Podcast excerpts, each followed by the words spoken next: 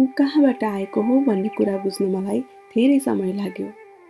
मलाई थुप्रै प्रश्न गर्ने फुच्चे राजकुमारले जहिले पनि मेरो प्रश्नको चाहिँ वास्ता नगरेको जस्तो लाग्थ्यो।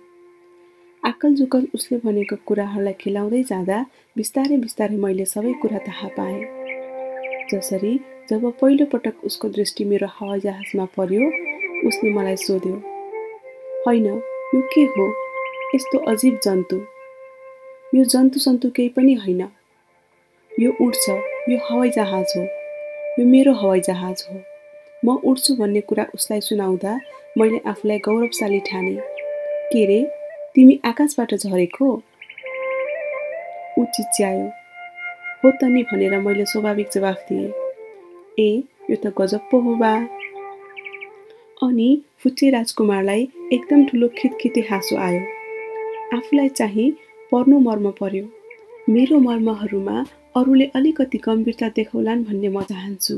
उसो भए तिमी पनि आकाशबाट झरेको त? कुन ग्रहबाट आयो?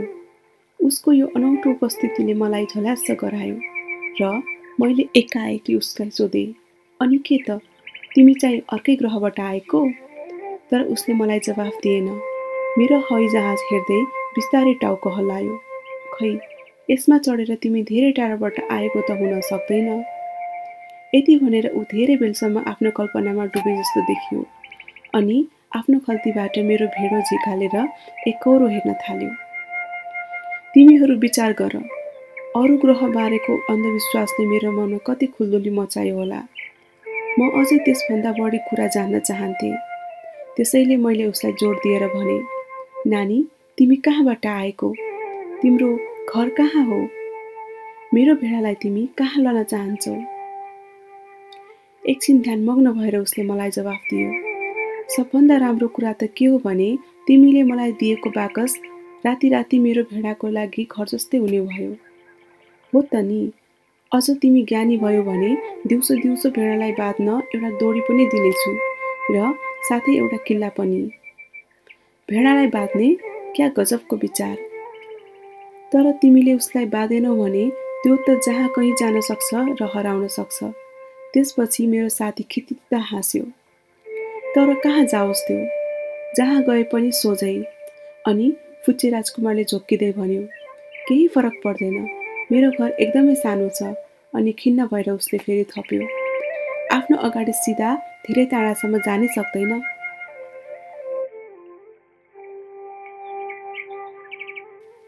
यसरी मैले उसको दोस्रो मुख्य कुरा थाहा पाएँ। ऊ जहाँबाट आएको हो त्यो ग्रह मुस्किलले एउटा घरभन्दा ठुलो थियो। यसले मलाई खास कुनै अचम्म लागेन। मलाई के थाहा थियो भने हामीले नामाकरण गरेका ठुल्ठुला ग्रहहरू जस्तै पृथ्वी बृहस्पति मङ्गल शुक्र बाहेक अनन्तमा अरू सयौँ ससाना ग्रहहरू पनि छन्।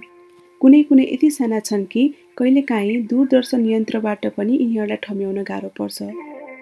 खगोलशास्त्रीले यी ग्रहहरूमध्ये एउटालाई पत्ता लगाएपछि त्यसको नामाकरण गर्दछ। एउटा नम्बर दिएर उदाहरणका लागि उसका विभिन्न छाटकाट र कुराकानीले गर्दा फुचे राजकुमार आएको ग्रह क्षुद्र ग्रह बी छ सय बाह्र नै हो भन्ने मलाई पूर्ण विश्वास लाग्छ। यो क्षुद्र ग्रह सन् उन्नाइस सय नौमा एकपटक मात्र दूरदर्शन यन्त्रमा जलस्स देखा परेको थियो। एक तुर्की खगोलशास्त्रीको आँखामा। अनि यी खगोलशास्त्रीले आफूले पत्ता लगाएको चिजबारे अन्तर्राष्ट्रिय खगोलशास्त्र सम्मेलनमा शानदार प्रदर्शन गरेको थियो। तर उनको पहिरनले गर्दा कसैले पनि उसको कुरामा विश्वास गरेका थिएनन्। यी ठुला मान्छेहरू यस्तै हुन्छन्। दिवस ग्रह बी छ सय बाह्रको सम्मानार्थ एक तुर्की तानाशाहीले युरोपेली लुगा नलगाउने आफ्ना देशवासीलाई मृत्युदण्ड दिने कानुन बनाइदिए। त्यसपछि तुर्की खगोलशास्त्रीले एकदम सुटेबुटे भएर आफ्नो ग्रहबारे प्रदर्शन गरे। यसपटक भने सबैजनाले उसको कुरामा चाख लिएको देखियो। यी ठुला मान्छेहरूले गर्दा नै मैले यसरी तिमीहरूलाई क्षुद्र ग्रह बी छ सय बाह्रबारे लम्बे चौडे कुरा गर्न र तिमीहरूलाई क्षुद्र ग्रहको नम्बर समेत तोक्न सिकाएको हुँ। ठुला मान्छेहरू अङ्क खुब मन पराउँछन्। यिनीहरू आफूसँग आफ्नो नयाँ साथीको बारेमा कुरा गर्दा मुख्य कुरो नै ख्याल नराखी प्रश्न गर्छन्। यिनीहरू कहिले पनि उसको अर्थात् नयाँ साथीको स्वर कस्तो छ उसको मनपर्ने खेल के हो ऊ पुतलीहरू सङ्कलन गर्छ कि भन्ने सोध्दैनन्। यिनीहरू त उसको उमेर कति हो उसका कतिजना दाजुभाइ छन् उसको वजन कति हो उसको बुवाले कति कमाउँछ जस्ता प्रश्न सोध्छन्। अनि मात्र यिनीहरूले यसलाई चिन्या चिन्या जस्तो गर्छन्। ठुला मान्छेहरूलाई तिमीले एकदम राम्रो गुलाबी रङको इट्टाले बनेको झ्याल र जर्मनी फुल र छानामा परेवा भएको एउटा घर देखेँ भन्यो भने तिनीहरू त्यस्तो घरको कल्पनासम्म पनि गर्न सक्दैनन्। तिनीहरूलाई त मैले लाखौँ पर्ने घर देखेँ भन्नुपर्छ अनि बल्ल के के न चाहिँ गरी टाउको हल्लाउँदै भन्छन् आहा क्या राम्रो होला हगि? यस्तै किसिमले तिमीहरूले फुच्चे राजकुमार साँच्चीकै जुझो जाग्दो केटा थियो। एकदम रहर लाग्दो थियो। सधैँ हाँसिरहन्थ्यो र उसलाई एउटा भेडाको चाहना थियो। यसरी भेडा चाहने मान्छेहरू साँच्चीकै मान्छे नभए अरू के हुन्छ त भनेर भन्यो भने तिनीहरू कुम हल्लाएर खिल्ली उडाउँदै तिमीलाई क्या केटाकेटी रहेछ भन्ठान्छन्। तर यदि तिमीले फुच्चे राजकुमार फलाना बी छ सय बाह्र क्षुद्र ग्रहबाट आएको थियो भन्यो भने उनीहरू पत्याउँछन्। र तिमीलाई फुर्सदका साथ सोधखोज गर्न थाल्छन्। तिनीहरू यस्तै हुन्छन्। तिनीहरूसँग बदला लिने कुरा नगरौँ। बरु केटाकेटीहरूले नै ती ठुला मान्छेहरूप्रति कोमल र उदार हुनुपर्छ। तर हामी जीवनलाई बुझेकाहरू अङ्कलाई गिल्ला गर्छौँ। मैले यो कथा दन्त्य कथा लेखे जस्तो लेख्न चाहेको थिएँ। मैले भन्न चाहेको थिएँ एकादेशमा एउटा फुच्चे राजकुमार आफूभन्दा मुस्किलले अलिकति ठुलो ग्रहमा बस्थ्यो। उसलाई एउटा साथीको जरुरत थियो। जीवन बुझ्नेहरूको लागि यसले निकै सत्यता पनि देखाउँथ्यो होला। कारण के भने म मेरो किताबका पाठकहरू सालाखाला किसिमले नपढुन् भन्ने चाहन्छु। यी सम्झनाका कुराहरू सुनाउन मैले यति कष्ट उठाएँ। छ वर्ष बितिसक्यो। मेरो साथी आफ्नो भिडा लिएर गएको। यदि यहाँ म यी सब कुराको वर्णन गर्ने प्रयासमा छु भने ती सब कुरा नबिर्सिनको लागि नै हो। साथीसँग बस्दा म अङ्कको मात्र वास्ता गर्ने ठुलो मान्छे चाहिँ हुन पुगेँ। त्यसैले नै मैले एउटा बड्डा रङ र पेन्सिल किनेँ।